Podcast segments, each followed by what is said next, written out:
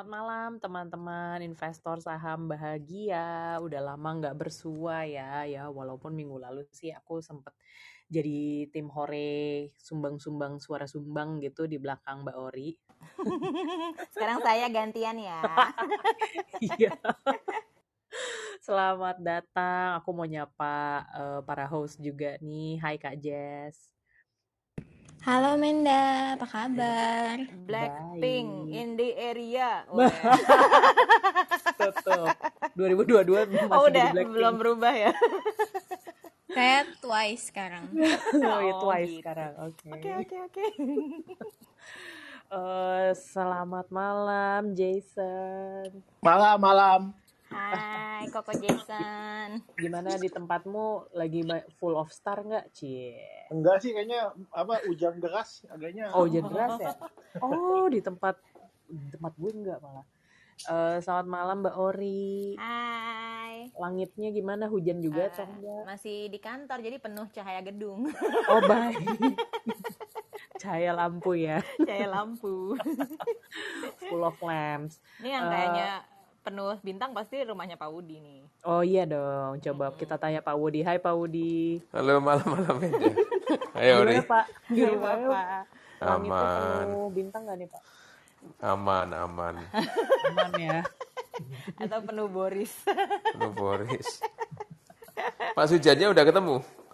Pak Sujan, mari kita cari.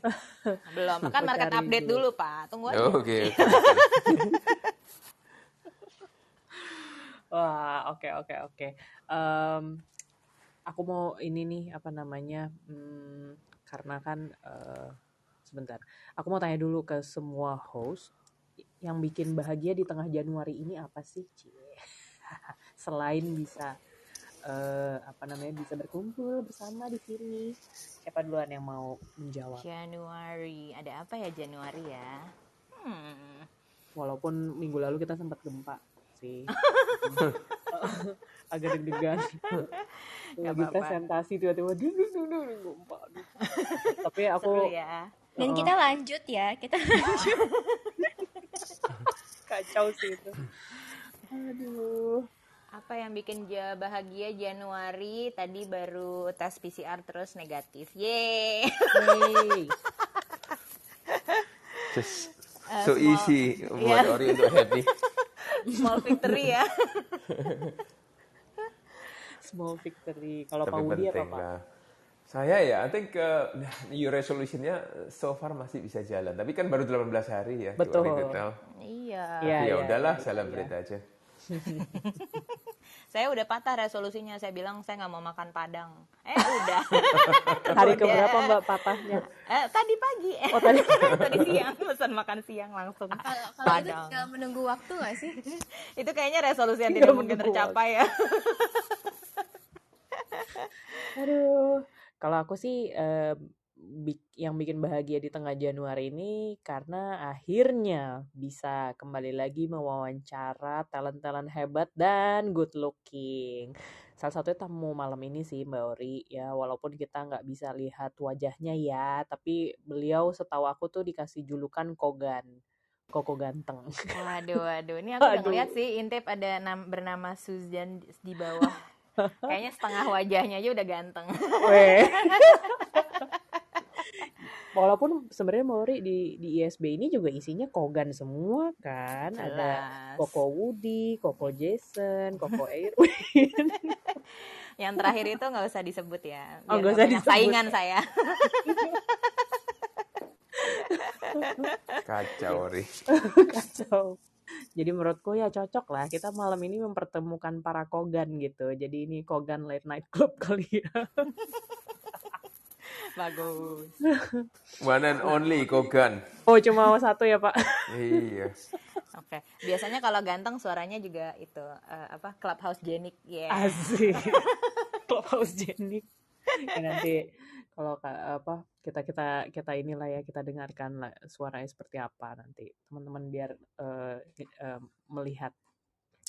Untuk eh, teman-teman yang pertama kali gabung, salam kenal. Eh, saya Jessica Rumenda, biasa dipanggil Menda supaya nggak ketuker dengan kakak Jessica yang satu lagi. Ntar kalau dipanggil Jessica dua-duanya nengok kan susah ya. Em, perkenalkan room ini adalah room untuk kita tukar pikiran sesama investor bahagia gitu. Jadi mau berbagi cerita inspiratif gitu. Jadi maka kita mau coba usahakan selalu mendatangkan orang-orang yang em, bisa apa ya, bisa memotivasi kita, bisa juga apa mengingatkan kita eh, terhadap tujuan utama kita untuk berinvestasi yaitu kan untuk bahagia kan gitu. Jadi supaya kita sama-sama lebih bahagia, aku mau remind teman-teman untuk follow Instagram kami, yeah. Investor Bahagia. Kalau di Insta Instagram sih namanya Investor Bahagia. Terus kalau misalnya di Spotify atau Noise bisa teman-teman bisa search Investor Saham Bahagia karena eh, karena di situ akan ada rekaman-rekaman eh, perbincangan juicy ini, cie. Terus jangan lupa di Clubhouse ini juga harus jadi membernya supaya selalu dapat notification uh, ada acara baru apa nih tiap minggunya gitu. Yes, Oke. ya. Sama kayak yang 11K itu ya, Kak. Yang 11K Sombong ya. sombong. jadi jadi eh, udah virus bahagia ini udah terjangkit ke 11K orang ini ya. Kira-kira terjangkit di hati kita semua. Nah, episode kali ini agak berbeda teman-teman karena em, kita nggak mau buka dengan market update, tapi dengan infotainment. Loh, ada lambe saham ini. ada lambe saham. Nggak ada yang bercanda-bercanda. Kita mau buka dengan pop culture update. Aku mau ajak kak Jess deh cia. Kak Jess. Yuhu, yuhu. kita eh, pop culture update dulu deh. Beberapa minggu belakangan ini kan eh, mungkin teman-teman investor bahagia juga sering lihat ya di Instagram atau di ya di Twitter gitu Oh, netizen tuh rame ngomongin drama seri layangan putus yang main. Reza Rardian, Putri Marino, dan Anya Geraldine. Kalau KJ sendiri udah nonton belum kak? Udah dong, terus aku nonton langsung aku binge gitu. Aku nonton waktu dia keluar episode 8. Langsung habisin tuh 8-8-nya sampai malam. Gimana perasaannya terombang ambing? Hmm, aku lebih apa ya? Aku merasa tuh lebih terketuk sih sebenarnya karena pada hari yang sama tuh sebelum aku nonton, aku baru datang dari satu acara kayak female empowerment gitu. Oke.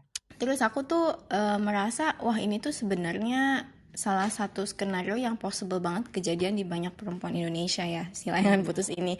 Aku nggak usah spoiler kan karena mungkin banyak yang belum nonton di sini. Iya sih, jangan-jangan spoiler. Oke, oke, lanjut, lanjut. Iya jadi intinya em, si penulis eh, buku ya buku layangan putus ini tuh sebenarnya seorang ibu ya beranak empat yang mana dia itu ketika mantan suaminya menikah lagi dia ditinggalkan dalam posisi keadaan eh, satu tidak boleh bekerja eh, ketika dia menikah gitu jadi selama waktu ditinggalin posisinya dia nggak punya penghasilan gitu Hmm. Terus eh, dia punya empat anak yang harus dihidupin dan dibiayain. Terus juga eh, kondisi finansialnya tuh terpuruk banget sampai susah bayar kontrakan dan sebagainya gitu. Dan menurut aku this echoes a lot of um, sentiments ya yang mungkin bakal dialami atau mungkin um, sering dialami oleh perempuan Indonesia di mana perempuan perempuan Indonesia ini kan banyak yang uh, sering dilarang untuk bekerja, untuk cari uang sendiri gitu ya. Yang mana sebenarnya banyak banget risiko kehidupan yang kita nggak bisa prediksi sebelumnya, ya kan? Nah, jadi ya menurutku sih ini juga mungkin satu pengingat ya buat kita bahwa banyak banget resiko-resiko kehidupan yang eh, mungkin bisa menghambat tujuan-tujuan kehidupan kita nantinya. Dan mungkin salah satu cara kita sebagai perempuan ya especially bisa menanggulangi hal itu adalah untuk berinvestasi secara personal gitu, berinvestasi untuk diri kita sendiri eh, mengumpulkan uang gitu ya untuk mungkin eh, legacy kita buat nanti kita mewariskan kepada anak-anak kita atau kita pakai ketika eh, situasinya itu em, demands for it gitu. Jadi untuk eh, tadi kan Menda sempat tanya ya kenapa aku happy banget bulan Januari ini. Aku happy and excited at the same time karena nanti tanggal 26 saya kayak bakal launch aplikasinya. Yeay. Mohon dukungannya. Bener. Dan salah satu fitur yang interesting di saya kaya itu nantinya teman-teman bisa berinvestasi sesuai dengan portfolio tujuan investasi teman-teman gitu. Jadi nggak perlu dicampur investasinya. Kalau mau berinvestasi misalnya buat dana pensiun itu bisa dibikin portfolio sendiri. Terus nanti kalau mau berinvestasi untuk misalnya hmm, beli tas baru atau liburan itu juga bisa dibikin portfolionya sendiri gitu. I see. Oke. Okay. Terus um, kan ini aku sebagai ini ya kak meng, me, mewakili teman-teman yang mungkin juga sama kayak aku investor mm -hmm. pemula gitu. Biasanya tuh pemula tuh kayak suka bingung gitu loh kak milih uh, gue harus investasi apa sih gitu. Nah uh, dari kajes dan saya kayak uh, ada solusi nggak yang bisa ditawarkan ke uh, teman-teman yang kayak aku gitu yang kayak um, aduh gue bingung nih pilih produk yang mana yang bagus buat gue gitu Of course, jadi karena saya kayak ini produknya curated, jadi kita tuh benar-benar pilih produk investasi yang menurut kita dan tim kita itu uh, performance-nya baik ke depannya dan layak dipilih ya. Hmm. Jadi nggak terlalu bingung milihnya. Soalnya kan kalau tempat lain kadang-kadang produknya banyak banget, uh, yang mengelola juga banyak banget pilihannya sampai kita tuh pusing sendiri overwhelmed with choices gitu kan hmm. nah makanya kenapa di saya kayak kita curate produk-produk kita biar teman-teman gak usah terlalu bingung nih milihnya gitu oke ibarat uh, toko butik ya kak udah dikurasi gitu barang yang masuk Iya, iya, iya, iya. Ya. Jadi buat teman-teman, terutama perempuan yang um, um, mau bisa apa ya mandiri secara finansial gitu bisa mencoba dari mulai dari um, berinvestasi reksadana dulu kali ya kak kalau misalnya masih mau belajar gitu ya kan kita bisa investasi reksadana dulu dan um, bisa coba di aplikasi saya kaya deh nanti kita tunggu deh kalau gitu tanggal 26 Januari. Mari. Biar kayak itu ya kak, habis layangan putus nanti ada mini series Kenapa? ada ada mini series apa Mbak Ori? Uh, saham nyangkut ya. Saham nyangkut. mini series saham nyangkut good one Mbak. Tapi ngobrol-ngobrol soal saham juga ya karena ini kan memang istilahnya market update tapi hari ini lebih ke lambe saham. lambe saham. Tapi memang ya this year kita memang harus lebih manage expectations ya sebagai investor tentunya. Karena memang uh, mungkin tahun ini memang lebih uh, ada banyak ketidakpastiannya dalam market. Karena memang kan interest rate diperkirakan bakal naik. Okay. yield tenure bond tuh pasti naik. Sehingga ya lebih challenging lah dan kalau tenure bond yield naik tentu aja discount rate untuk kita ngitung equity tuh naik jadi target price saham-saham kita tuh biasanya tuh lebih turun gitu lebih rendah jadi ya this year juga about managing expectations kali ya sebagai investor gitu okay. Oke, oke, oke. Thank you insight-nya Kak Jess. Terima kasih Menda. oke, nah teman-teman sebelum aku mengundang tamu uh, Kogan Kogan malam ini ke atas, aku ceritakan dulu kenapa um, aku pilih tema The Revenant. Filmnya kan tentang Hugh Glass nih sih, karakternya Leonardo DiCaprio yang berjuang untuk survive gitu di tengah salju, terus sampai harus melawan beruang pula gitu kan hampir mati dia tapi akhirnya untungnya dia bisa melawan si beruangnya ini. Itu salah satu adegan epic sih.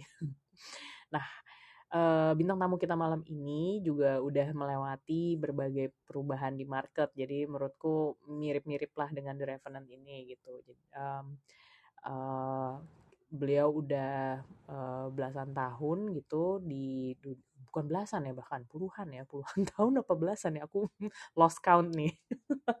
Tapi ya melewatilah perubahan berbagai perubahan di market. Salah satunya mungkin um, soal ini ya yang tadinya ada kode broker sekarang nggak ada kode broker gitu. Nah mari aku mau mengajak mau menggali kita mari kita gali cerita seru dan pandangan dari seorang Pak Sujan Halim. Coba aku invite dulu. Nggak sabar nggak sabar. Pak Su wah ini iya bener fotonya udah setengah-setengah. Iya kan? Estetik setengah-setengah. Ini padahal dari fotonya kelihatannya masih 25-an gitu loh. Hey. oh iya. Kok pengalamannya udah puluhan tahun? Udah dari SD Ayo, coba kita bapak saya sudah invite bapak ke atas mohon di approve pak diterima ini Kita eh, tunggu dulu ya. Sering main clubhouse nggak sih Kak Jessica? Katanya ini baru mengenal. Oke oke oke baru tahap kenalan. Pak, apa sudah menerima Pak invite on nih saya udah udah klik invite on stage sih. Ada notificationnya nggak ya Pak? Mungkin tadi bebannya terlalu berat. Kal- Kalian nyebut-nyebut terus kogan-kogan. Oh, ini jadi salting ya? jadi salting. Nah, padahal kan enaknya clubhouse itu kita nggak usah dandan ya. Bener. Pakai daster Apa juga nggak masalah. Sebentar. But the funny thing adalah selalu merasa nggak enak ya kalau nggak dandan ya. Jadi nih Pak Wudi rapi nih. Rapi lah, rapi.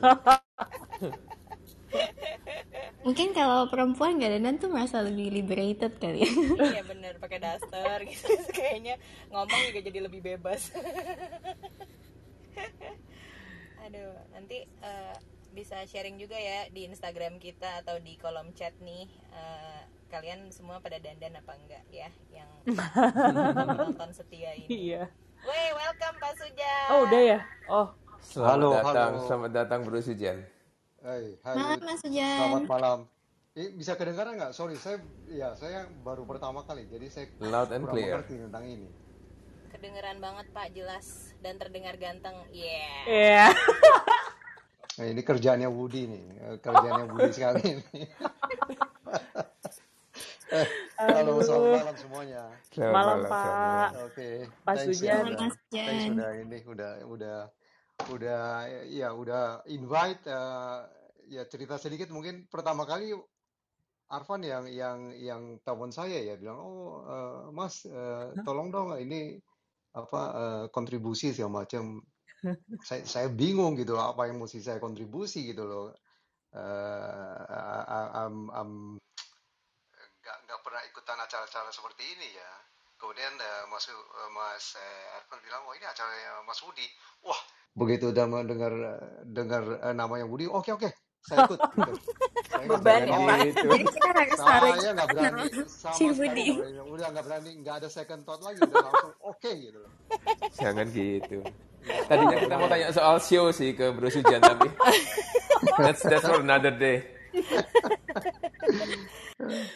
Pak, gimana kabarnya hari ini Pak Sujan? Eh, hari ini eh, ini adem. Adem ya? Ya, market marketnya aja yang kurang adem ya, tapi ya adem. Pak, ini saya mau nanya nih Pak, Bapak bener asli Pontianak apa bukan nih? Atau saya cuma dengar gosip? Saya born and uh, grew up di sana, betul. Saya Wih, mantap. Berarti kalau saya ke Ponti, Bapak bisa ini dong Pak, rekomendasi. Saya harus cobain makanan apa selain coipan Pak. Eh, boleh, tapi sebelum kamu mau ke Ponti, kamu mendingan eh, tanya Udi dulu ya. Udi. Pengalaman Udi ke Ponti. Nah, ini dia nih. Aku mau kasih kesempatan buat host yang pernah jalan-jalan ke Pontianak bareng Pak Sujan. Yang pasti itu di sana ada kedai kopi Asyang. Asyang. Hampir semua pengunjungnya kenal sama Pak Sujan. Wah, ngeri. Wah. Enggak, enggak, enggak bener ini. Enggak Itu bener yang ini. punya bukan Atta Halilintar kan? Ah siap ya. Siap.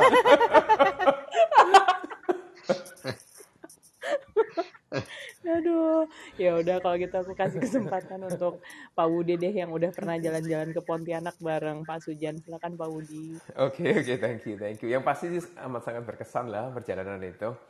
Eh, ketawa melulu gitu isinya. Cuman kalau boleh ya dalam kesempatan kali ini pengen tanya ke Bro Sujan gitu. Dari Pontianak ke Capital Market. Sorry ini suaranya echo ini ya. Iya agak eko dikit Pak.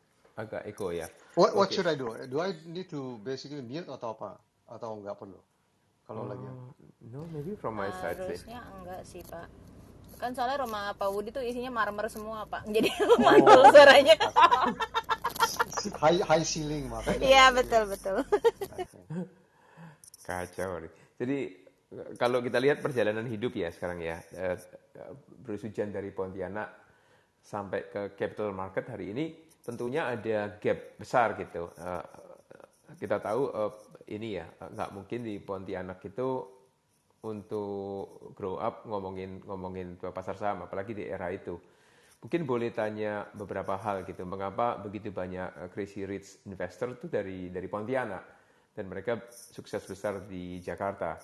Mungkin tadi kita sempat ngomong soal kedai kopi Asyang gitu.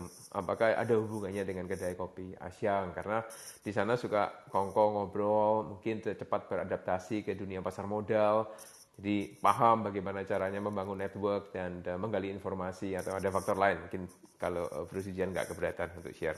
Thank you.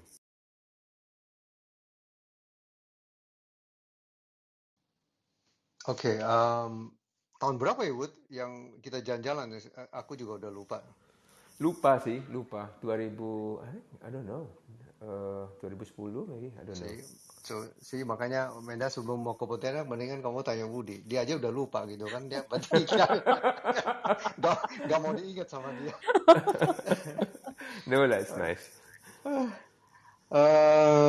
oke. Okay. Uh, um, sebenarnya ya oke um, apa kopi ASEAN ya ya kopi ASEAN jadi terkenal setelah uh, Presiden Jokowi ke sana ya. Uh, to be honest, waktu saya grow up di situ juga uh, ya mungkin waktu itu kita mas, uh, masih kecil gitu ya kita nggak nggak ada tradisi ya main ke kopi apa ke tempat apa ke apa warung kopi segala macam ya so but uh, it's uh, it's uh, become a trend I, I guess di mana-mana ya di semua kota kecil juga uh, tempat kopi adalah tempat orang ngumpul dari pagi segala macam tempat orang uh, sharing informasi segala macam ya uh, kopi kopi ASEAN tuh uh, kok ASEAN ini ya someone yang yang uh, apa yang uh, basically build his business itu kayaknya udah third generation deh. I think he's, he's third generation ya. Dia terkenalnya karena dia buat bikin kopi, serve kopi itu sambil uh, topless ya gitu ya.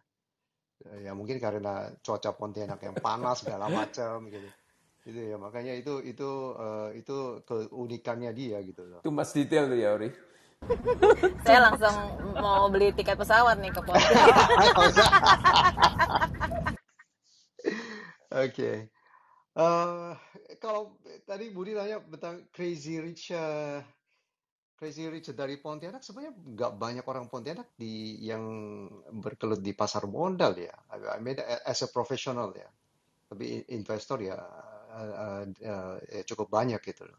Bahkan ada beberapa uh, uh, big fund itu ya yang juga origin uh, original itu dari dari Pontianak juga gitu loh, setahu saya ya. Uh, mungkin Woody lebih tahu lebih tahu tentang itu. Um, ya mungkin tradisi nongkrong di warung kopi sama macam ya sehingga orang um, ya that's how people build network ya uh, khususnya di di kota kecil ya gitu ya. Uh, everyone is start very early the activity. Uh, saya rasa itu juga sama di kota-kota lainnya gitu ya. Uh, by six something before seven orang udah nongkrong uh, jam ya, satu jam segala macam sebelum ya, sebelum itu ya habis itu ya udah berangkat ke aktivitas masing-masing gitu.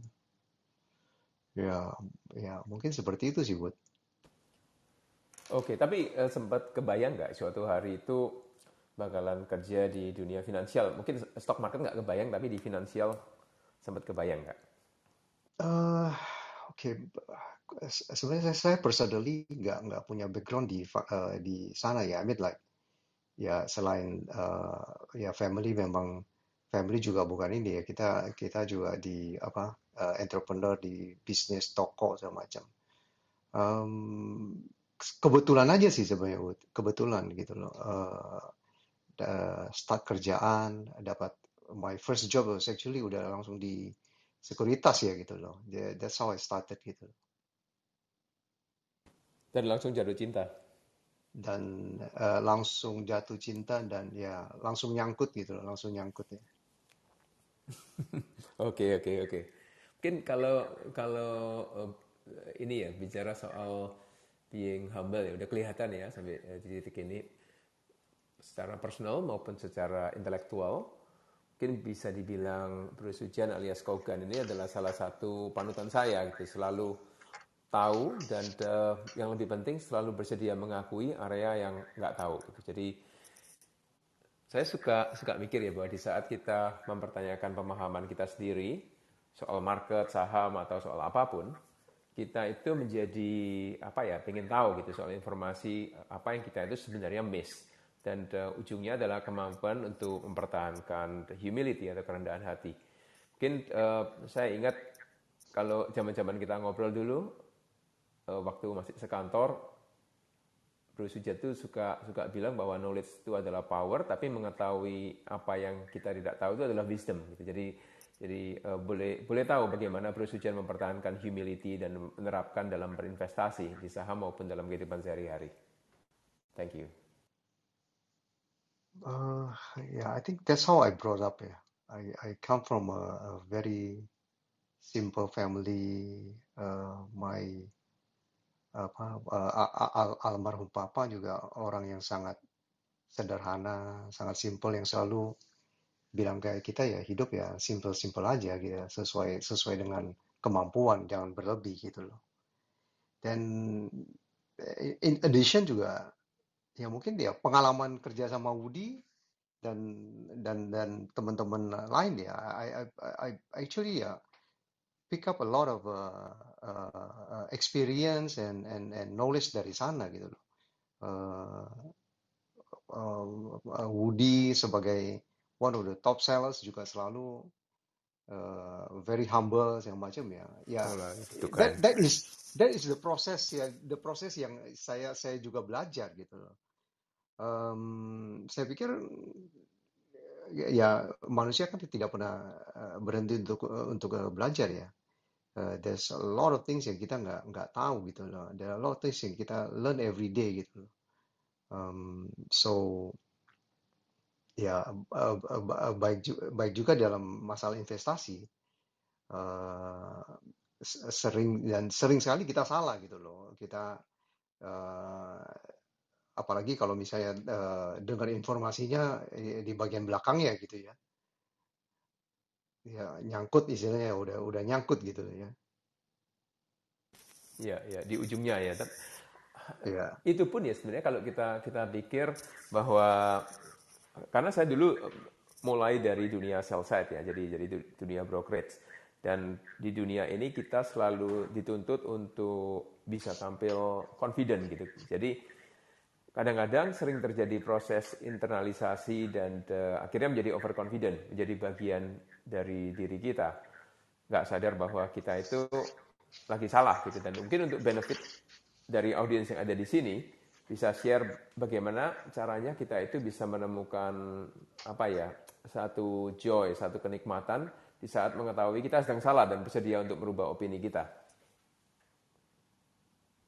Oke. Ah, this is quite a tough question. With uh, I I think uh, the process of uh, learning that juga juga saya I, I pick up a lot dari waktu uh, kerja bareng ya sama sama tim ya. Uh, uh, being on the sell side, being always uh, uh, apa uh, made a wrong call, wrong decision segala macam ya. Khususnya di bagian saya di bagian uh, trading, di bagian dealing gitu ya. Um, uh, sering sekali diomelin sama klien karena uh, kita transaksi terlalu cepat ya when we when we buy we are too early when we sell we are juga too early gitu. Uh, kemudian uh, the the the stock or the market move against us gitu loh. Ya um, uh, dan dan saya ingat salah satu yang waktu itu yang yang di pernah di apa dikasih tahu sama bos saya uh, uh, my head of uh, uh, trading uh, Adnan itu bahwa dia bilang dude we are being paid to be scolded gitu loh. Pertama saya bingung ini maksudnya apa? Gitu That, that's deep. ya kita dibayar untuk di diomelin gitu loh. Menda uh, please note.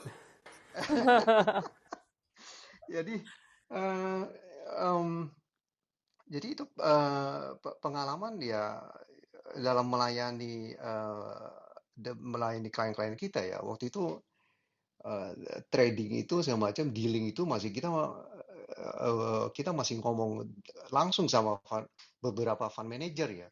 Karena zaman dulu um, strict seperti sekarang gitu. Jadi dulu uh, fund manager itu masih place the order uh, langsung gitu. So we have to uh, pick up the phone and we have to basically uh, apa um, apa uh, on the phone terus sama mereka kalau mereka lagi sibuk on on a certain name segala macam. Dan uh, dan saya ingat ada salah satu fund manager yang juga menjadi panutan saya dan juga saya banyak belajar dari dia adalah uh, from time to time from minutes to minutes dia selalu tanya saya should I sell this? Should I buy this? Should I ini do you think this is a, a, a good price to sell this is a good price to buy gitu loh dan setiap kali jawaban saya selalu dibilang salah, salah, salah gitu loh.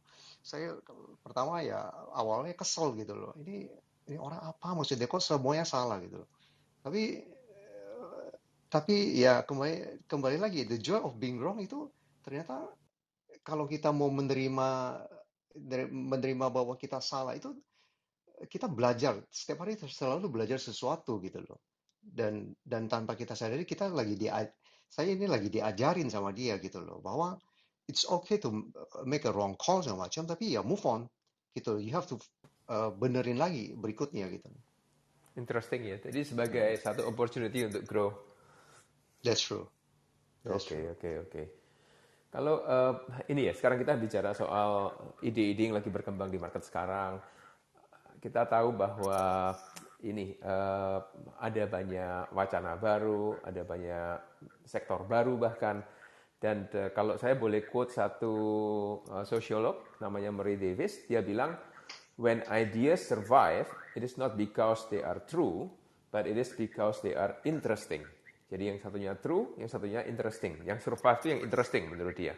So mungkin kalau boleh share ke audiens di sini, Kira-kira ide apa yang sedang interesting di dunia stock market saat ini? Dan uh, yang mungkin bisa bisa survive lama dan mungkin kita bisa uh, investigasi untuk kandidat investasi. Dan mungkin uh, sekalian tanya sebenarnya pentingan mana antara ide yang benar atau ide yang interesting kalau di dunia persahaman. Thank you, Bro Sujan.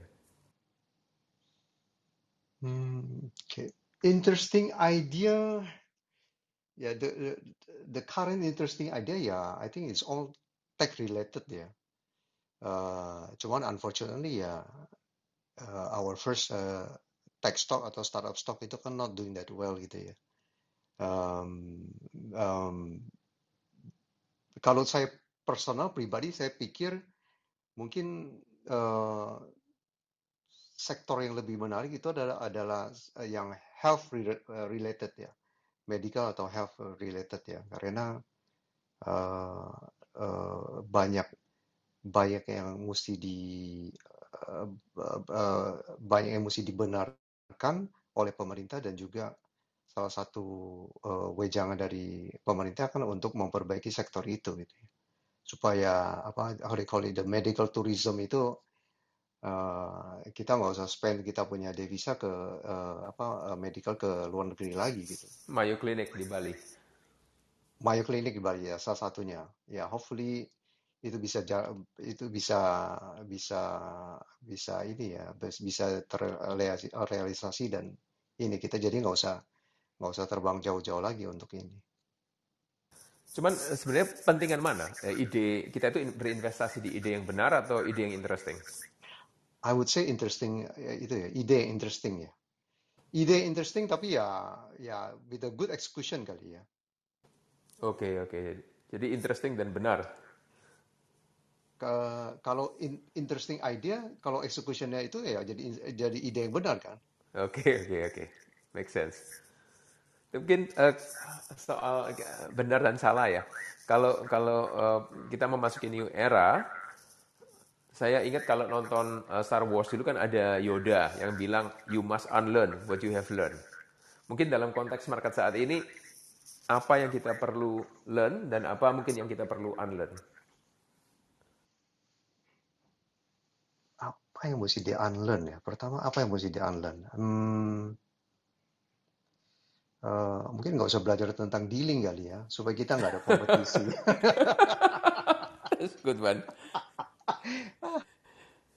Well, I mean, ya kembali lagi ya era sudah berubah ya. Dealing is is uh, dealing uh, nowadays uh, basically udah pretty much di di dibantu sama teknologi ya. Uh, ya we all know that uh, ya even even uh, uh, retail trading sekarang everyone is going to online trading sama macam di online trading pun segitu banyak uh, apa feature-features yang bisa di dipelajarin gitu loh. So basically, mm, ya yeah, eventually the the the the our job itu bakalan ya bakalan hilang gitu loh. It's all replaced by by robot gitu loh. Ya, yeah, that's that's my that's my view sih gitu loh. Kalau apa yang mesti dipelajarin, I would always say uh, learn about uh, fundamental is something yang memang uh, selalu menjadi dasar ya untuk untuk uh, uh, apa uh, investasi long term invest uh, investasi yang uh, yang benar gitu loh. Ya unfortunately saya saya nggak saya nggak punya expertise uh, untuk itu. Saya nggak pernah belajar tentang fundamental. So uh, what I what I do for more than 20 years adalah uh, uh, dealing dan dan trading aja gitu. That is interesting ya. Mungkin kita bisa bisa bergeser ke ini ya, ke eh, yang lebih lebih ringan ya. Tapi saya benar-benar pengen dengar dan pengen tahu langsung dari Bro Sujan gitu. Karena uh, zaman zaman kita dulu di satu company kita belajar tentang namanya blue zones ya. Jadi daerah dengan konsentrasi orang berusia di atas 100 tahun. Salah satunya adalah Okinawa di Jepang. Dan ada beberapa prinsip mereka itu buat saya amat sangat menarik ya karena uh, striking saya nggak kepikir sebelumnya. Misalnya mereka tidak punya konsep pensiun. Jadi di mata mereka kata retirement itu bahkan nggak ada. Just just let me work. Kira-kira mindsetnya kayak gitu. Juga hmm. konsep uh, moai, jadi semacam perkumpulan apa ya teman-teman gitu ya yang saling support uh, dalam kehidupan dan dalam mengurangi stres dan fokusnya juga banyak ke kerja volunteer sehingga uh, semua anggota komunitas merasa fulfilling, merasa berguna dan merasa juga apa ya saling memiliki gitu. Ada purpose dalam hidup. Atau kalau bahasa Jepangnya namanya ikigai. Mungkin uh, sebagai seseorang yang pernah mengalami uh, ini ya health scare dalam hidup uh, Bro Sujan kalau kalau uh, saya yakin pasti pernah merenungkan gitu uh, semua hal di atas. Mungkin boleh berbagi hasil perenungannya di sini. That would be my last question for tonight. Thank you Okay. Oh, well, you you you give me a, a, a, a still a tough question yeah, on on your last question. Yeah. no lah. uh, okay. Uh, konsep konsep uh, uh, terus aktif berkarya, I guess uh, itu juga itu juga yang saya yang saya lihat uh, dari uh, almarhum papa saya ya.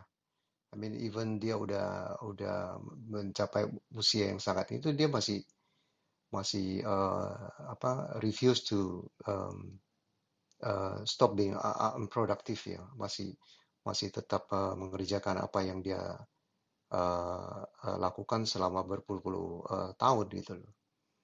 Hmm, jadi I don't know I I I I think I'm seeing myself of um, basically um, will uh, go in the in the same uh, journey ya. Uh, tetap berkarya selama kita masih masih sehat masih di, dikasih kesehatan gitu. Um, dan ya um, definitely uh, a circle of friends segala macam teman-teman itu ya itu yang yang yang yang support kita itu sesuatu yang yang yang we need ya untuk uh, ya untuk uh, untuk uh, sa sa saling berbagi cerita, kadang-kadang uh, ngumpul, bisa ketawa-tawa, yeah. ngurangin stres gitu loh. Yeah. Ya kayak itulah. Uh, that's uh, actually uh, that's how our environment waktu kita kerja bareng kan, Wood, gitu loh. Setiap yeah. hari pasti ada yang ketawa, setiap hari pasti ada yang iseng gitu loh. Seiseng-iseng yeah, yeah, yeah. apa pun, se ini kadang-kadang ya udah gitu loh. Semua ya ketawa, nggak ada yang nggak ada yang marah, nggak ada yang apa gitu. Ya, yeah, yeah, full yeah. full That's of uh, orang yang ini gitu. buka kedai asyang aja di Jakarta ntar. Ya, Franchise. Franchise. Nanti saya deh jadi itunya baristanya. Harus Tapi jangan topless kan ya. justru itu yang saya harapkan. Jangan topless. saya justru dibayar orang please Bori jangan topless. Oke. Oke, oke. Ya, go ahead uh, ini Menda. Oke. Fire away other questions. Thank you.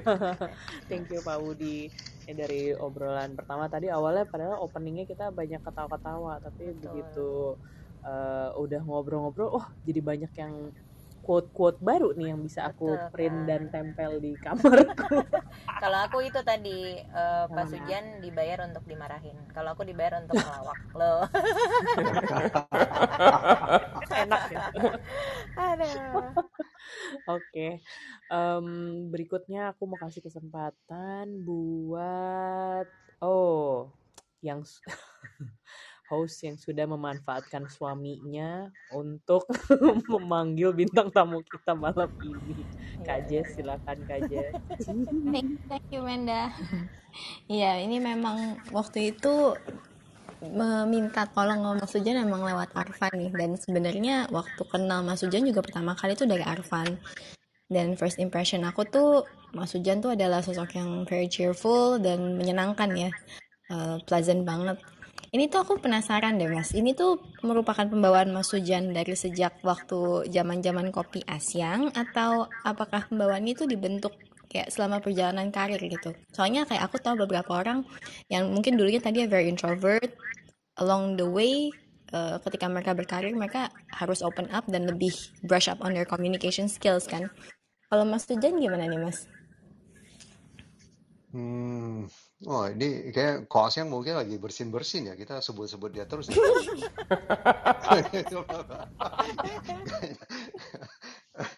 Ah, ya, hai, hai Jess. Ah, ya, memang eh, ya pembawaan karakter saya. I mean, eh, saya eh, orangnya memang ya, ya, I'm not, ya, saya bukan extrovert juga sih. Tapi saya memang senang berteman gitu loh. Ah, I mean, because of uh, of uh, ya uh, pengalaman berpindah-pindah tempat ya kita mesti kita mesti adapt with the situation we have to adapt with the new new uh, group of people segala macam yang yang mungkin yang membuat saya ya ini ya have saya rasa I I I I, I choose to be uh, uh, to become a, a more cheerful person than than ini gitu loh. Karena kalau nggak cheerful mungkin ya susah dapat teman gitu loh. Dan sedangkan saya orang yang memang senang banyak teman gitu Hmm, hmm, hmm. gitu Ngomong soal sering pindah-pindah nih, saya dengar Mas Tujan sempat di Malang ya Mas? betul saya SMA di Malang Hmm, enakan mana Mas Malang sama Pontianak? Just compare Uh, with Jakarta.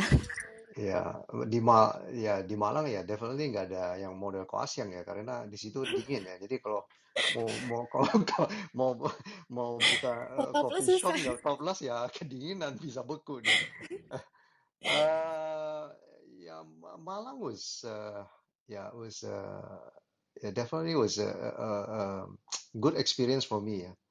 Eh, ya karena di Pontianak kan ya Malang kan secara size ya Ma- Malang lebih besar dari Pontianak. Jadi Mm-mm. jadi ya karena waktu itu sudah saking bosannya dengan eh, eh, di Pontianak kota kecil segala macam, jadi I decided to to go somewhere else dan ya kebetulan ya eh, dapat sekolahnya di sana gitu. Hmm, I see, I see. Mm-mm. Enakan mana Mas sama Jakarta? Enakan oh eh, mana Eh, Malang, Pontianak, Jakarta ya. Mm-mm. Eh, eh, masing-masing punya punya itunya sendiri ya. I think Malang Hmm. I put it let's put it this way. If if I if I um need to choose a place for retirement, I would consider Malang kali ya. Hmm, oke, oke, oke. Ya, Tenang ya ya, Mas ya? Iya. le- ya agak lay back segala macam dan juga agak terlalu kecil gitu ya. Hmm, hmm, hmm, hmm. Dan dan udaranya juga jauh lebih enak kan. True, true, true. Kalau di Mm-mm. sini polusinya, wah lumayan banget sih memang. Ya Jakarta ya Jakarta you always have to be uh, you have to be apa always uh, uh, ready to be competitive kali ya. Hmm, yes, benar-benar.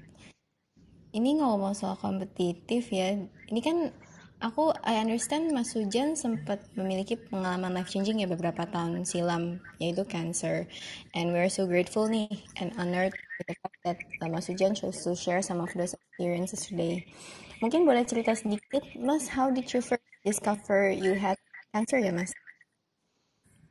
Uh, okay. Yeah, I mean, I was I was very lucky aja ya. I was uh, very lucky to to caught it uh, in the early stage ya. Uh, I, I think ya mungkin ya Tuhan masih sayang sama saya gitu loh.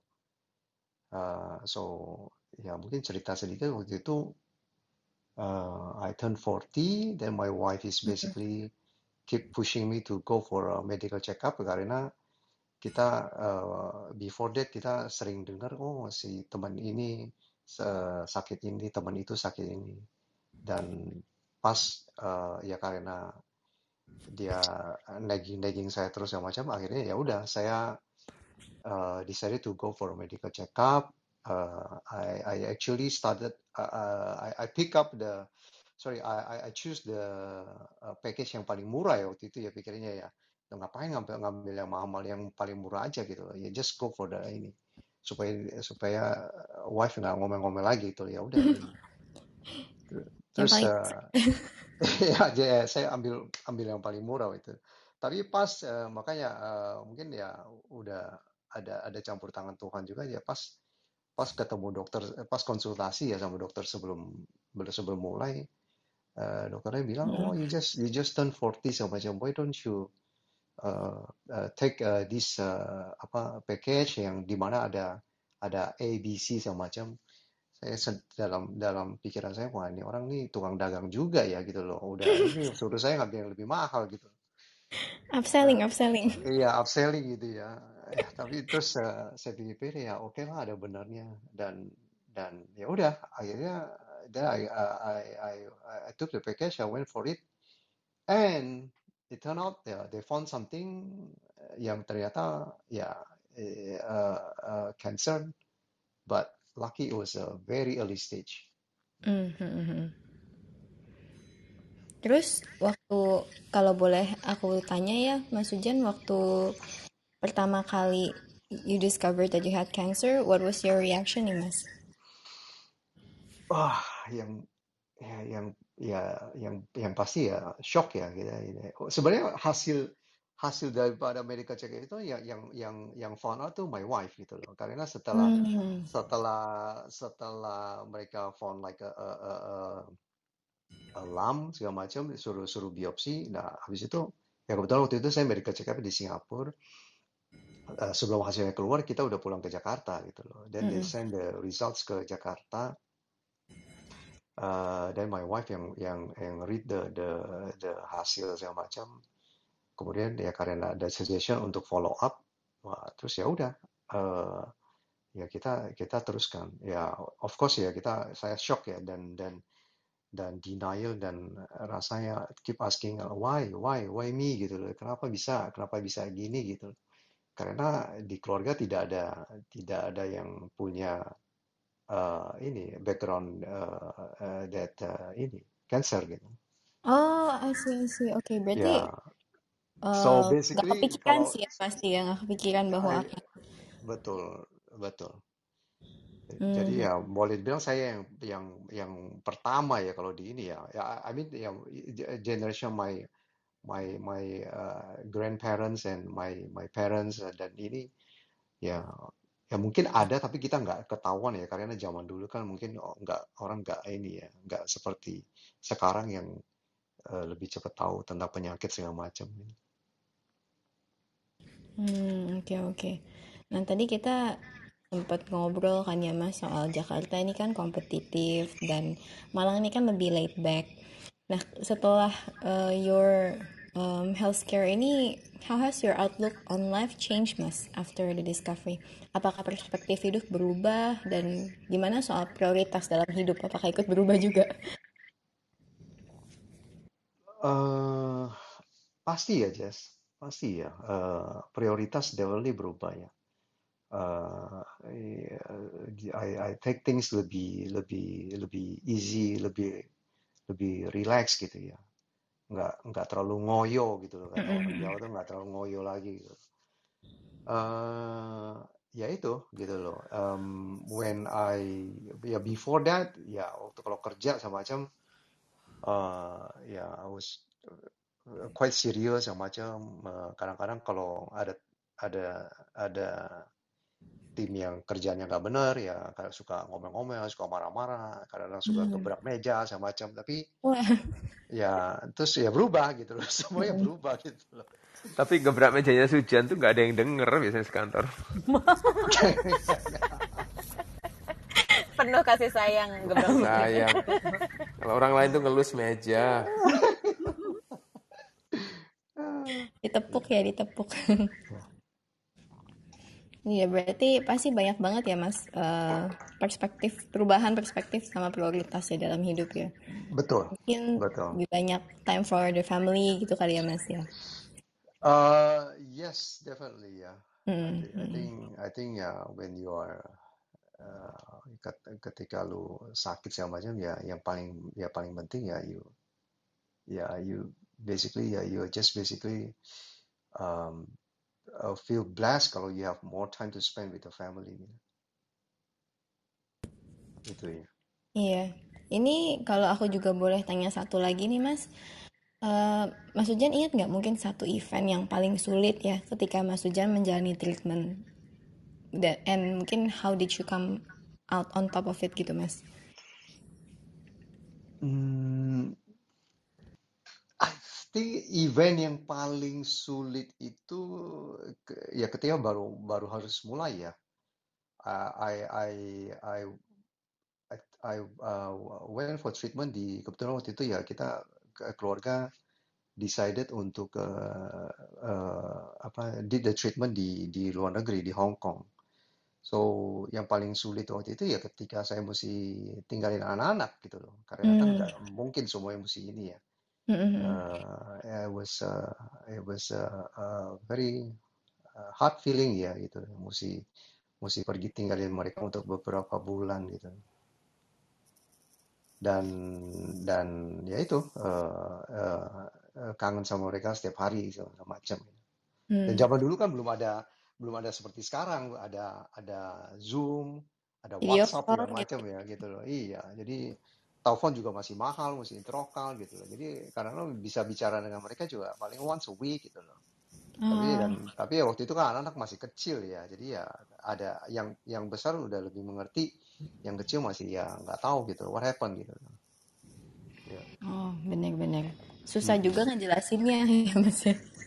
Susah, sangat susah ya, sangat susah, sangat susah men- mereka mungkin ini. Tapi ya, tapi karena uh, saya nggak banyak perubahan ya selain selain itu ya mungkin they, they- mereka nggak terlalu shock gitu. Hmm, hmm, hmm, hmm. Mungkin last question dari aku nih, tadi kan sempat ya Mas Uja ngomong soal insurance ya, learning from your experience. Sepertinya emang penting ya Mas untuk kita sedia payung sebelum hujan ya.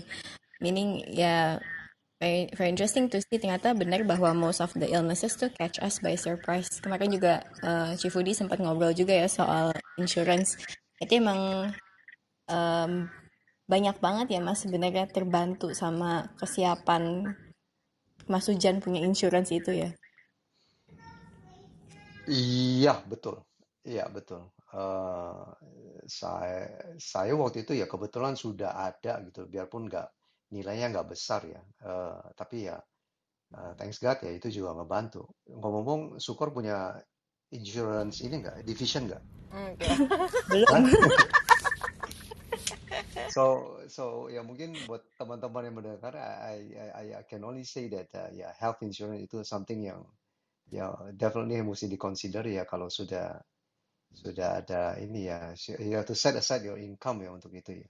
Karena kita nggak, Mm-mm. ya seperti Jess bilang, kita nggak pernah tahu kapan kapan kita bisa ini gitu, bisa Yes. bisa sakit ya. Mm-mm, bener banget. Ya, Karena most of the illnesses tuh bikin kita ya catch catch us by surprise lah ya. Jadi kebanyakan orang tuh nggak ready with the financial burden kan sebenarnya. betul, betul. Ya, eh, ya makanya mesti mesti mesti ini, mesti mesti punya gitu loh. Ya seberapapun nilainya semacam ya kalau belum mampu ya pokoknya asal punya asal ini ya uh, when you are uh, lebih lebih ada income ya you should uh, uh, top up juga gitu. Benar-benar benar banget. Hmm. But uh, but the the industry of of insurance the product semacam kan udah udah very inovatif gitu loh. So nggak seperti zaman dulu kan Yes. orang kalau beli asuransi rasanya ah lu sumpahin gue mati atau apa gitu ya kan. Eh, sekarang Iya kan ya sudah benar-benar. ya sekarang kan sudah berubah. Benar-benar. Sekarang I think orang lebih um, open minded ya tentang insurance, lebih Betul. accepting lah, lebih accepting. Mm-mm, mm-mm, mm-mm. Yes. Ya dan dan satu hal juga ya support ya kalau lagi ini ya teman-teman segala macam. Mas Arfan salah satunya yang selalu support saya waktu saya sakit, waktu saya I did my treatment. Oh, always eh, almost every day dia akan send uh, BBM waktu itu kita pakai BlackBerry. Dia akan uh, Mas apa kabar Mas apa ya gitu. Always almost every day makanya saya nggak pernah lupa. Era BlackBerry ya waktu itu. Era BlackBerry betul. Makanya dapat Kak Jess. Kak Jess juga di BBI. Oh iya makanya Jess, oh, Jess sangat beruntung. Iya, Arfan adalah orang yang sangat care tentang tentang, tentang teman-teman. oh ya itu Ya, benar. absolutely. Ya. Mm. Yes. Thank you banget Mas Sujan for answering my questions dan aku sih again I feel really honored hari ini bisa ngobrol sama Mas Sujan dan nanya-nanya. Um, mungkin Thank, uh, nextnya aku kembaliin ke Menda kali ya. thank you, thank you, thank you Jess. Thank you Kak Jess. Aduh, aku jadi Keren jadi ya. ikut terharu dengernya ternyata Ko Ih Arfan jadi melo. Abis ini tamu kita nih. Arfan nih. Loh. Eh, Aduh. ngomong-ngomong tadi aku udah lama banget loh nggak denger kata interlokal. Iya. Iya. Itu tahun berapa jadinya iya membayangkan. ya lokal. Iya, intro call ya sekarang kan nggak ada lagi ya, semua just Iya, press on WhatsApp aja gitu, ya, WhatsApp betul. call aja. Udah ada Tapi wifi. tapi emang gini Pak pertanyaan-pertanyaan kita kan banyak yang nanya nih eh, ISB sebenarnya kok pertanyaannya nggak selalu melulu tentang saham ya karena kan kita pengen bikin orang jadi investor saham bahagia kan. Iya, betul, betul. Jadi lesson-lesson Bapak berharga banget nih. Padahal Iya. kupikir tadi eh, Pak Sujan itu singkatannya suka jajan. Jadi mungkin akan membahas cemilan-cemilan ternyata bukan. Oke, Silakan Kak Menda. iya. Thank you Mbak Ori. Nah ini aku senengnya Pak Sujan kalau ada Mbak Ori itu gini, jadi ada celetukan-celetukan. Oke, oke. Ya.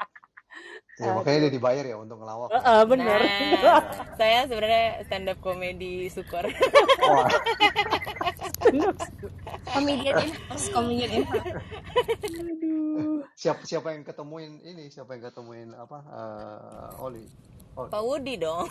oh Menemukan. Dia bilang saya butuh Miss. orang yang bikin saya Ya. ketawa soalnya saya sudah nggak kerja sama Pak Sujan lagi. Oh, yeah, Mr. Numero Uno. But, yeah, everyone knows uh, Woody was uh, uh, uh, ini kan uh, number one sales six cons- uh, six consecutive years Waduh, waduh, waduh. setiap tahun ya. Makanya setiap pengalamannya dan dan idenya tuh selalu cemerlang. Luar biasa. Apa ya? Tadi saya lagi terputus. Gak jodoh. Ah, Bapak. Nanti ada rekamannya. Oke, oke. Aduh. Thank you, thank you. Nah, em, untuk berikutnya aku mau kasih kesempatan untuk Kogan Sudirman nih. oh enggak ya, nggak boleh ya Kogan. Nih. Sudirman. Iya, Kogan cuma ada Pak Sujan doang nggak boleh. berarti. Enggak enggak enggak. Oh, Kak Menda sebelum ke Ko Jason, jangan lupa seluruh investor bahagia yang ada di sini kalau mau nanya ke Pak Sujan nanti jangan lupa raise iya. hand ya. Oke, teman-teman kalau ada eh, pertanyaan silakan raise hand. Nanti kita akan bantu untuk eh, apa namanya? Bantu untuk undang ya supaya bisa menanyakan langsung. Betul, bu langsung ada yang ngacung tuh, hebat.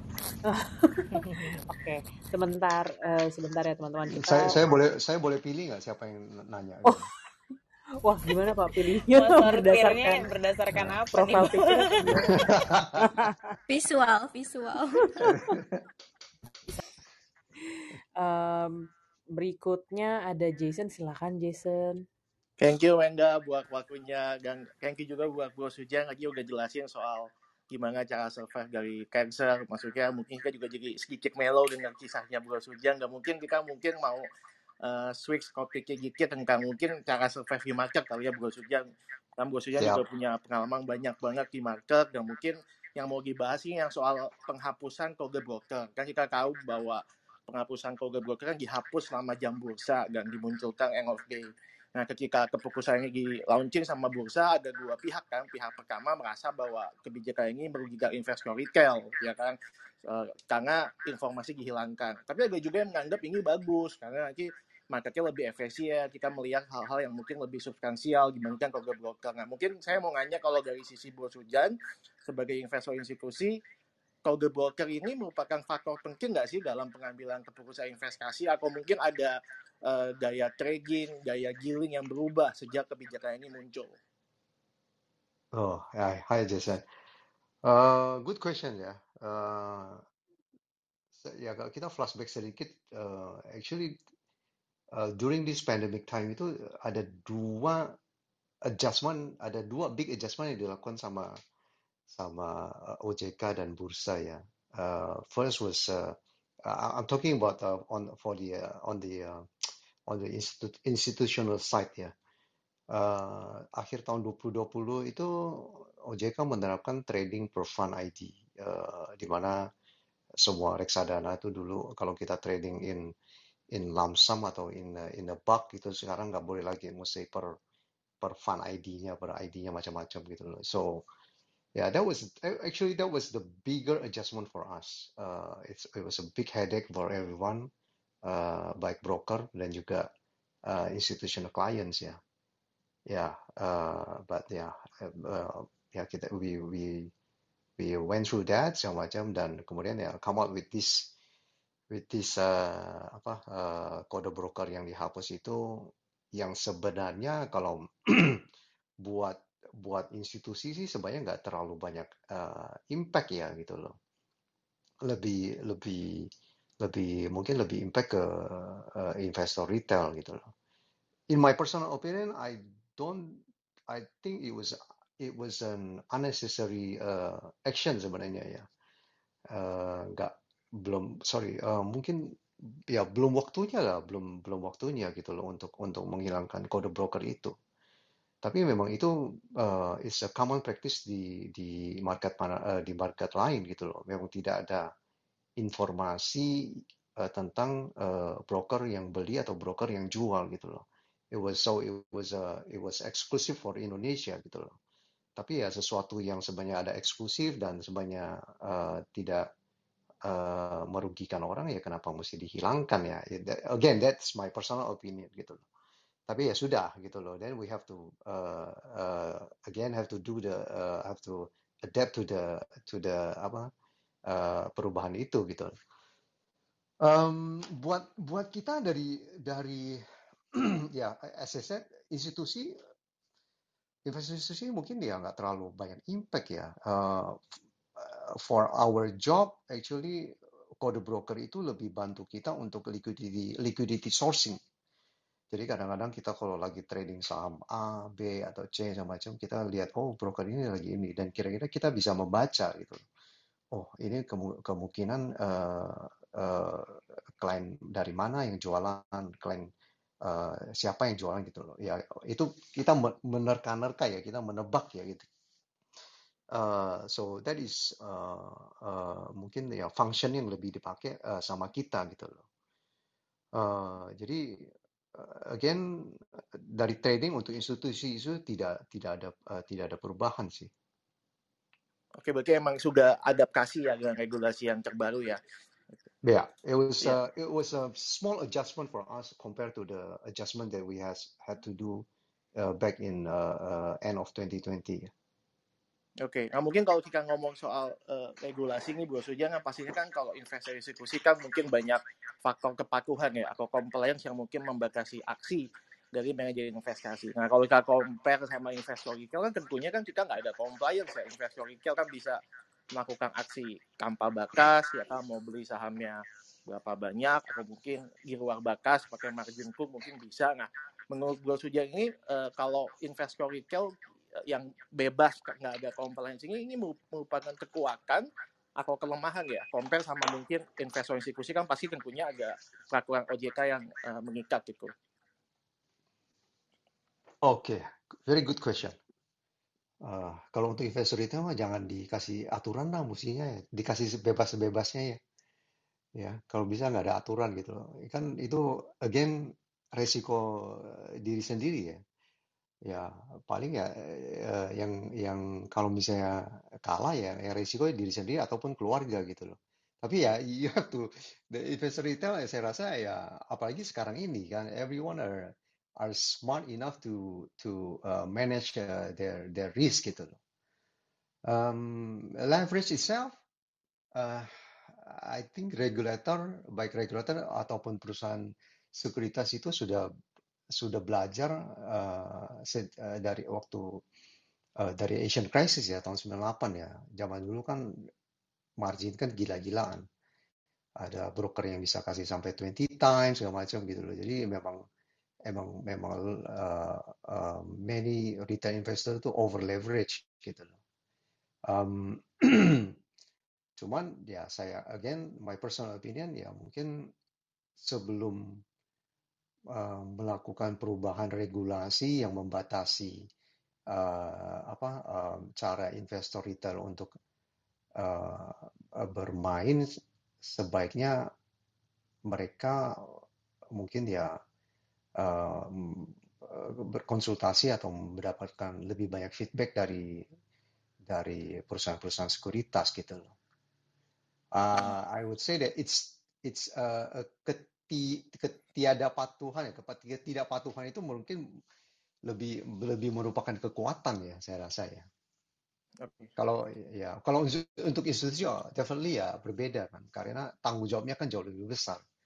Uh, hmm. Institusi kan ya produk dan you have uh, ya mesti ada tanggung jawab ke ke nasabah-nasabahnya dia, the people that buy the products gitu.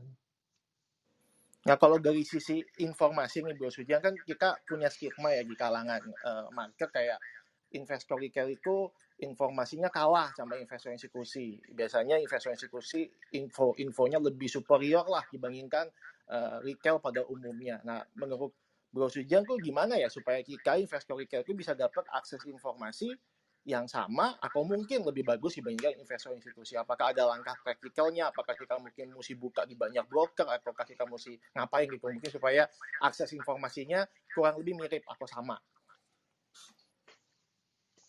Wah, kamu pertanyaannya susah-susah ya, Jason ya? Enggak, Pak. Ini pertanyaan dari investor retail, Pak. uh, sebenarnya, oke, okay, jawabannya gampang sih sebenarnya sih. Ya, kamu uh, add friend jadi add friend apa uh, mesti jadi temannya Cik Rita, Cik Cuai, ya mesti jadi membernya investor saham bahagia ya, supaya terima terima informasi lebih banyak ya.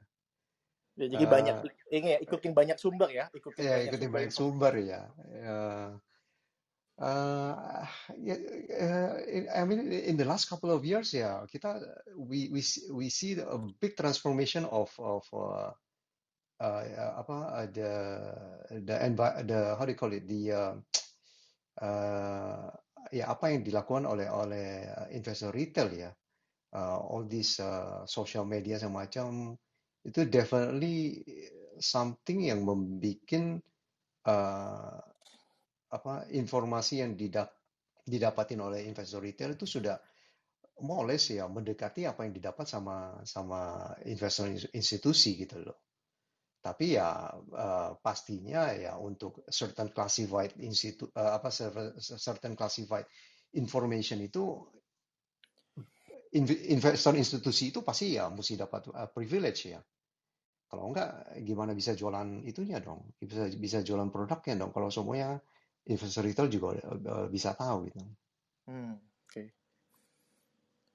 Nah, terus kalau misalnya ini Bro Suja, eh, kita tadi kan sempat bahas kode broker, kita sempat bahas akses, informa akses informasi. Mungkin yang saya mau bahas juga kan investor kan suka banget nih ngikutin namanya net buy sama net sell asing. Kayak misalnya wah seminggu ini IHSG merah tapi kok asingnya uh, net buy terus di IHSG jangan-jangan IHSG-nya mau rebound nih. Nah, dari pengalaman Bro Sujan sebenarnya ada nggak sih korelasi pergerakan foreign flow sama IHSG kita atau sebenarnya kok nggak ada korelasinya kebetulan aja terjadi Hmm, saya, kalau ya kalau pengalaman saya sih ada ya.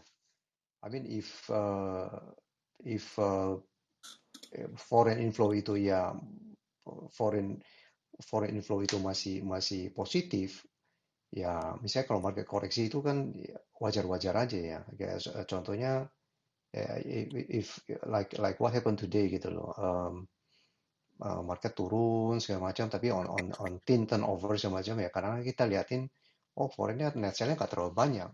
And eventually market itu comeback lagi uh, sorenya gitu loh.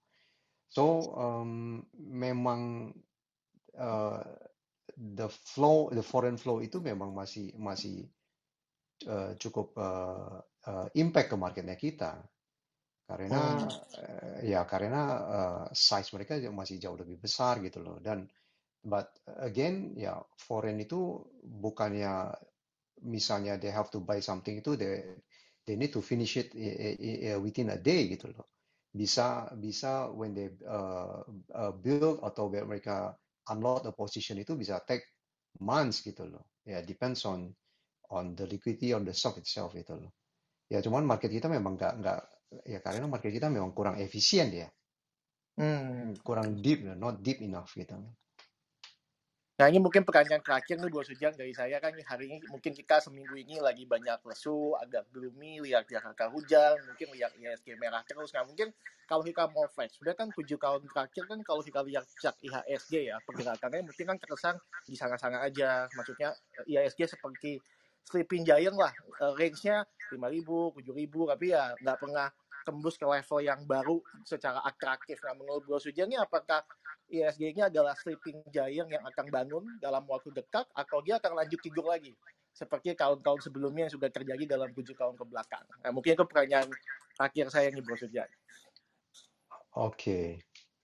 Uh, saya rasa enggak ya, we are not sleeping giant ya. I, I think ya indeks itu uh, memang ya kesannya sideways tapi ya there's up and down kan gitu If if you are if you are uh, saying that the within the last what six seven years itu ya sebenarnya kita uh, indeks itu sudah naik hampir 30 persen ya.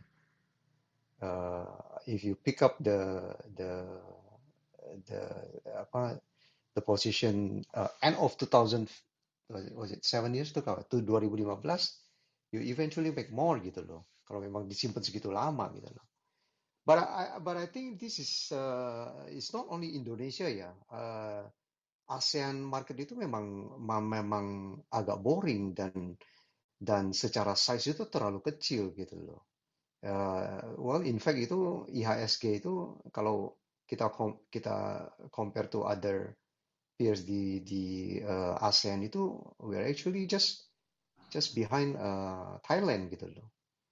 Uh, ya karena periode segitu itu kan banyak banyak hal yang terjadi ya, banyak perubahan, uh, instability segala macam gitu loh.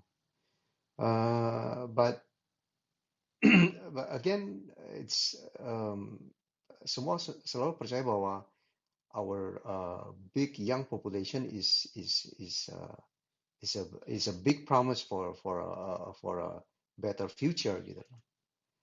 Um, cuman ya ya pada saat ini mungkin ada market market uh, lain yang jauh lebih menarik ya buat khususnya buat investor asing daripada uh, look at Indonesia yang yang secara size itu masih terlalu kecil pilihannya nggak banyak gitu.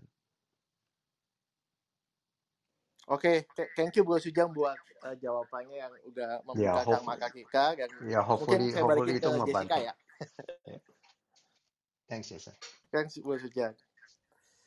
Thank you, Jason. Wah, keren, keren. Keren, keren. Ini kita Berarti bisa lanjut ini dong, Iya, buka nih udah ada satu nih yang ngacung nih Kak Jessica. Weh, ada Kan Regan. tadi Pak Sujan itu Kogan kan, Koko ganteng. Hmm. Sekarang yang nanya Regan, remaja. Ada ada ada itu eh, Amin. ada koas yang tanya. Pas yang muda. Kelas, kelas yang bangun ya akhirnya. Kelas yang bangun jam segini. Hai Regan, ada pertanyaan apa buat Pak Sujan? Hey, thank you so much. So, um, first of all, uh, hi everyone. Just want to say thank you to all the uh, respective hosts, uh, Kak Jessica, Pak Woody, Kak Oriana, Kak Jason, and Kak Jessica again for um, orchestrating such a wonderful clubhouse session tonight. And thank you to Pak Sujan for sharing with us your experience and wisdom in both life and in the market. So, um, a part of my question actually comes from Asmo Damodaram, and I was wondering if you and I guess if we have time, maybe the host too, could give their thoughts on it. So um, he mentioned that investors nowadays are not plagued by a lack of information, but rather interestingly an overload of information. So I was just wondering, in a day and age where information is easily accessible and in excess, how do you filter out the useful information from the misleading information in both investing and in life in general?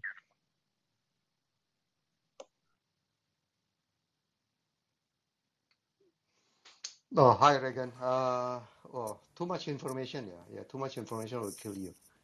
Um, Wood, do ada ini nggak, Wood? Can you share something? Ya, I think eh, kalau ka- eh, eh, kalau saya ya untuk too much information itu betul banget. That is a very real threat. Karena kalau kalau eh, kita asking the, the the right question atau kita asking the wrong question, hasilnya itu akan beda bumi dan langit gitu dan the, uh, information overload itu easily bisa lead kita ke wrong questions. Dan uh, I think uh, what, what is important adalah kita itu mau fokus ke things that really matter, yang benar-benar benar-benar uh, you know uh, create values atau destroy values untuk untuk untuk this company. And uh, I think uh, easily kita bisa fokus ke banyak hal, tapi sebenarnya kalau dipikir-pikir potential impact-nya in the long run cuman cuman uh, katakanlah one percent of the company gitu. Kebetulan saya lagi lagi duduk di ini uh, juri untuk CFA competition tahun ini. Dan kalau saya lihat uh, paper-paper yang masuk tuh uh, quite interesting gitu. Kesalahan yang paling umum adalah beberapa peserta itu focusing on the hal-hal yang in the long run pun potensialnya sangat kecil. So I think I think it's uh, important to filter ourselves gitu karena FOMO is a very scary state of mind dan kalau kita mau terus-terusan hidup dalam FOMO, I think it will lead to the very wrong uh, conclusion, wrong questions, and uh, eventually wrong wrong action. Dan the investment kita bisa bisa babak belur banget gitu. Of course, uh, nggak ada cara sure pasti bahwa informasi yang kita filter itu akhirnya kita dapat yang benar-benar. Tapi uh, ini pentingnya pentingnya jam terbang misalnya, dan ini pentingnya untuk uh, ini Regan, having a good environment, orang-orang di sekitar kita. So kita bisa punya sparring partner yang baik ya. Tapi more than that, yang lebih penting adalah uh, give yourself the opportunity untuk doing very deep thinking. I think uh, uh, it itself adalah satu benteng besar untuk melindungi kita dari information overload. Mungkin itu sih yang saya bisa share. Thank you, Wood. Ah, inilah bedanya sih. Kalau Budi ya udah jawab ini. Ya, mungkin No lah, just tambahan just tambahan uh, dari saya sedikit ya, ya kembali lagi ya. It depends on your your uh, investment horizon ya. Uh, ya, ya unfortunately nowadays ya kita terima terlalu uh, banyak banyak berita. I mean berita itu di share gampang sekali gitu loh. And and and kebiasaan uh, orang pada umumnya adalah people just like to read the headlines gitu loh. Hmm, Headlinesnya belum tentu sesuai dengan isinya gitu loh. isinya. Hmm. Begitu udah, udah headlines ya udah, ya I mean market ini sekarang memang uh, ya when you're in the market ya everything you have to react uh, fast gitu ya. Makes Makanya sense. Ya. eh, begitu ada yang negatif, wah semua udah ini kamu pusing lo hajar dulu gitu loh. Tapi ya uh, again it depends on yeah it depends on your, your investment strategy and and how you basically uh, uh, apa uh, kebiasaan uh, kebiasaan kamu uh, invest di saham gitu loh. Karena kalau terus-terusan ikutan ini ya babak belur. Not uh, itu dari perspektif uh, sebagai investor. Even us ya kayak kita trading sama macam yang atau dealing yang yang uh, for the benefit of our clients itu juga kadang-kadang sangat berpengaruh buat kita gitu. Kita bukan ngomongin long term, kita ngomongin mungkin uh, tra- uh, cuman ha- hanya beberapa lima jam uh, jam trading gitu loh. So whatever the decision, the wrong decision yang kita make begitu kita terima informasi yang yang kita hanya lihat ini ya uh, many times it cost us gitu loh. Ya mungkin itu ya. Hopefully Regan jawab jawab pertanyaan lu ya. Yes, yes, yes. Oh, I see. Uh, thank you so much for the uh, response. And um, actually, uh, I was just wondering um, to uh, to uh, something about what you said. Uh, you mentioned a, a very good environment. I was just wondering, um, and this could be answered by Pak Sujan or any of the hosts. But um, what is a char- what are your at least what do you believe is a characteristic of a good environment? I think uh, to me it's very simple ya. The the ability to to enjoy being wrong. Jadi lihat uh, satu kesalahan sebagai kesempatan emas untuk atau kesempatan Bitcoin di era ini ya untuk uh, untuk bisa maju gitu, untuk bisa progres, untuk bisa belajar hal yang baru. I think uh, that that would would would define a very good uh, environment buat saya. Dan uh, kalau kita bagi bagi orang itu sebagai taker atau uh, giver, I think uh, a good environment saya uh, lebih kepingin yang dipenuhi orang-orang yang uh, uh, populated by by giver gitu secara mindset. Jadi when they are helping you, they are helping you dengan a very good intention. Uh, people yang ke, uh, they, they want to give you give you feedback bukan untuk satisfy their own ego tapi lebih untuk ini ya untuk sama-sama maju gitu sama-sama growing mungkin itu yang saya bisa bilang sih Reken. That will be ideal ya Pak ya. Oh, I see. Uh, okay, thank you so much for the response. Um, thank you to all the hosts, and I hope you guys all have a. And thank you, Pak Kuchen, for the. Thank Uh, you, thank for you the Regen. Thank you Regan. Thank you. naik ya ganteng nih. Ini ada Mas Arfan loh di bawah. Mas Arfan kalau mau naik ngacung ya. Ceritanya ada rahasia-rahasia lain yang perlu nggak terkuak ya. Arfan jangan diundang deh, Arfan jangan Oh diundang. jangan terlalu, banyak Langsung. rahasia yang dia pegang. Langsung runtuh ya. kita. Image runtuh langsung. Bapak ini ada yang ngechat saya nih, katanya dia nggak mau naik ke atas. Hmm. Dia eh, nanya gimana sih eh, caranya maintain energi eh, stamina gitu kan nggak gampang kayak kerja di industri ini terus harus terus terus stay alert gitu. Menurut bapak gimana? Hmm. Eh, banyakin minum kopi ya kali ya. Sangkain, bapak meditasi kah? eh, Apa ya, bapak? I enggak sih, ya I, I, I used to do that tapi ya bukan sih. I, I guess ya kita eh, kebiasaan aja ya. Eh, actually em, sebenarnya nggak nggak nggak gitu. Ya sekarang oke lah. Kita udah ke- jam training kan udah lebih pendek ya. Um, is kebiasaan aja sih ya. I mean, you you stay alert segala macam. Oke, maybe uh, lebih benarnya adalah you have to enjoy what you do ya. Oh, Kayak kita iya, iya. kita So important. Iya, ka- kadang-kadang orang pikir, aduh, saya ada teman yang bilang, ngapain sih lu pelototin monitor terus? Ngapain lu ini gitu loh? Karena nggak diajak ini.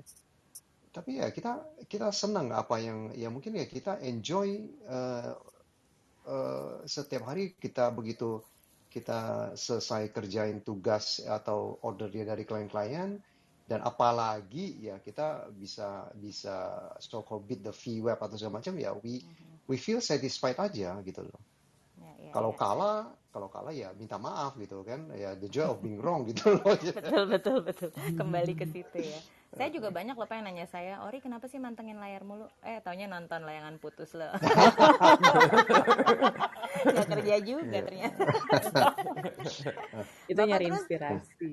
aku kalau ini pertanyaan personal dari aku Pak. So what do you do for fun gitu to get away from it all gitu loh. Pak. Kalau Bapak ada waktu gitu, Bapak apa sih guilty pleasure-nya atau not so guilty pleasure? Guilty pleasure. eh, ya, ya kalau zaman dulu ya, ya sore-sore ya mungkin ya kumpul sama teman-teman, beberapa teman ya. Eh, ya just just get together. I eh, sport juga ya salah satunya yang ini gitu loh. Boxing diajak diajak sama Oh. eh, Bro Woody gitu. Golf, Gitu. golf. Kalau Mohon maaf. iya golf eh, budgetnya nggak ada buat golf. Bo, bo, bo- golf eh, ya golf kalau weekday kan susah ya eh, terlalu and too time consuming. Ya, ya, ya, ya. ya. Iya. Oh, berarti nih Pak Suzan sebenarnya anaknya udah gede-gede ya Pak ya? Udah ya sudah sudah besar ya. Saya sudah Nah, tua aku soalnya. tahu aku tahu arahnya nih Eh? Soalnya biasanya kalau ada tamu ISB harus ada yang dikorbanin buat dijodohin ke saya. Jadi kalau bukan pembicaranya anaknya. Oh, Berarti anaknya cuai ya. anaknya cuai. Aduh, Kamenda gimana? Aku sebenarnya aku ada pertanyaan sih. Tadi sebenarnya mau ngelanjutin dari yang Regan sih. Aku jadi tertarik karena Regan kan tadi nanya soal too much information kan. Nah, aku mau tanya ke mungkin eh, Pak Sujan atau Pak Udi gitu. em, kan manusia ini yang dari observasiku sih manusia kan selalu kayak they want to hear what they want to hear gitu kan. Alias confirmation bias. nah, bagaimana cara seorang Pak Sujan atau Pak Budi gitu em, apa ya melepaskan diri dari confirmation bias ini gitu dalam eh, mengambil keputusan investasi. Wah, keren keren. Barusan tiba-tiba Pak Bias muncul sebagai listener. Bias yang berbeda. Pak Bias yang suruh jawab aja. Bagaimana menghindari bias? Aduh. Gimana gimana? Pak Sujan apa Pak Wudi yang mau jawab? Woody duluan. Woody. Oh, Oke oke oke oke sure. I think uh, ada dua ya. Satu kan confirmation bias, yang satunya desirability, desirability bias gitu. Jadi uh, kita kepingin sesuatu itu ke arah mana, jadi kita uh, mau cari informasi ke arah sana gitu. Arah sana, I think I think uh, uh, balik-balik lagi adalah our ini ya, our uh, uh, flexibility gitu untuk untuk uh, bersedia untuk bersedia salah, untuk bersedia uh, belajar lagi gitu. Karena uh, kita itu punya punya uh, option kan sebenarnya. Uh, kita itu mau mau punya uh, cycle yang namanya rethinking yang didasarin kerendahan hati, humility. Ya, uh, memang kelihatan akan wah ini ini kok kok uh, suka berubah pikiran, kok suka doubtful. Sebenarnya enggak sih. Karena uh, kita harus harus ngerti gitu bahwa kalau kita nonton film Steve Jobs misalnya, kita nonton film soal Steve Jobs, kita tahu tahunya bahwa dia itu bisa berpikir sangat visioner, melangkah ke depan jauh sebelum orang lain bisa mikir ke arah sana. Tapi realitasnya sebenarnya dia bisa sampai ke iPhone itu eh, melalui perjuangan panjang orang-orang di bawah dia gitu. Jadi eh, pernah ditunjukin ke Steve Jobs dia bilang that's the dumbest idea I've ever heard. Ya karena dia anti anti anti smartphone. Tapi akhirnya orang-orang di bawah dia bisa convince. Kreditnya Steve Jobs adalah his ability untuk rethink the whole thing. Jadi eh, curiosity-nya dia itu begitu gede gitu dibandingkan dengan eh, cycle yang namanya overconfidence cycle. Ada diwarnai oleh pride, kebanggaan berlebihan, oleh conviction berlebihan, dan eh, eh, akhirnya leading to confirmation dan desirability bias yang yang akan membawa mereka untuk memaksakan diri validate their their their own idea gitu. Jadi ini ini ini cycle yang kita harus eh, harus break ya menurut saya kalau kita doing investment. Hmm. Ya, mungkin itu dari saya. Thank you. Kalau Pak Sujan mungkin mau menambahi Pak, menambahkan? Su- Sudah di cover sama Woody semua. The, the, the joy of being wrong gitu loh. Saya udah lupa pertanyaan kamu tadi. confirmation bias ya sama desirability bias ya. Disability bias ya. Oke. aku soalnya yang aku ingat dari too much information tadi adalah Mhm. eh, toplesnya Pak Asian doang satu-satunya too much information yang berbahaya seru banget pembicaraan hari ini Iya, seru Oke. banget loh. Aduh, terima kasih banyak. em, apa namanya? Terima kasih banyak eh, Pak Sujan gitu yang udah eh, mau meluangkan waktu malam ini. Em, aku mau kasih pengumuman dulu buat Eh, sorry teman-teman. Jess, mungkin eh, Menda mau kasih eh, tambahan ya. Kalau ada yang Oh mau iya. mau mau belajar untuk menghindarin bias kayak begini, mungkin ada satu buku dari Adam Grant judulnya Think Again ya. Itu itu eh, very much eh, recommended. Oke, Ya, Adam Grant Think Again. Oke, ya, siap ya. Pak Thank Udi. you. Eh Pak Sujan dong, ada yang mau direkomend nggak? Buku baru yang lagi dibaca atau musik yang lagi digemari atau film yang Heeh. baru ditonton? Uh, yeah, I'm I'm I'm not a person that that, that like to read ya. Saya juga kayak Hmm. Iya, saya saya justru lagi membaca eh, ini membaca buku memilih menjadi investor bahagia. Nah Eh, itu yang penting. It's in front of me gitu. Seri keduanya udah mau keluar judulnya Bahagia Bahagia Memilih. Just just kidding, just kidding. Just one book. Kalau nanti saya yang ngeluarin bahagia dipilih. Yeah. Eh. Siapa yang milih? thank you, thank you Pak Sujan. thank you, sayang, hari thank ini you. banyak banget. Ya, saya terima kasih udah udah dikasih kesempatan. Ya, Mm-mm. hopefully yang saya share itu ada ada manfaatnya. Ah, langsung mellow hari ini kita ya. Banyak wisdom yang di Banyak kita wisdom. eh, eh, yang wisdom juice-nya keluar nih hari ini banyak banget. Thank you ya Pak. Nah, teman-teman, eh, minggu depan akan ada bintang tamu pebisnis muda, cie siapa nih gitu. Inisialnya BC, weh. Ada yang bisa Eh, tebak Bunga kan? Citra Lestari. Wah, Bukan. itu BCL ya. Kalau pebisnis siapa ya BC, BC, iya. Dia ada di layangan putus Ya. nggak sih? Oh enggak. Enggak, ya? Oke. jadi kelayangan putih. Aduh. Nah, oke, minggu depan bintang tamu kita Bapak Bong Chandra. Nih. Jadi Tahu. sampai ketemu Soalnya minggu depan. soalnya itu patokannya Pak Sujan kan hari ini udah ganteng. Jadi minggu depan harus ganteng juga. Harus ya, udah jadi benchmark nih. Benchmark. Oke, Thank Saya jadi so pengen saya jadi pengen nonton layangan putus jadi. Bahaya. Nontonnya harus bareng istri, Mas. Ini ini ini bukan jebakan kan, Jas? Jangan jangan mau dijebak, Pak. Oh ya, kalau, kalau gitu ntar saya tanya Arfan deh, Arfan udah nonton atau belum? Ini salah satu TV show yang bikin suami se-Indonesia ketar-ketir. Aduh. ya, ya. Oke, baiklah kalau gitu kita tutup malam ini dengan ya dengan ketawa, dengan terima kasih, terima kasih banyak Pak Sujan udah menyempatkan waktu berbagi wisdomnya, berbagi pengalaman hidup, dan terima kasih kepada semua host. Sampai ketemu eh, di minggu depan. Eh, selamat istirahat teman-teman investor Thank you so much. Bro Sujan. Iya. Ya, Thank you, thank you thank you, thank you, Thank you. ya, thank you Ya, semua ya. Bye. Uh, night Bye. ya.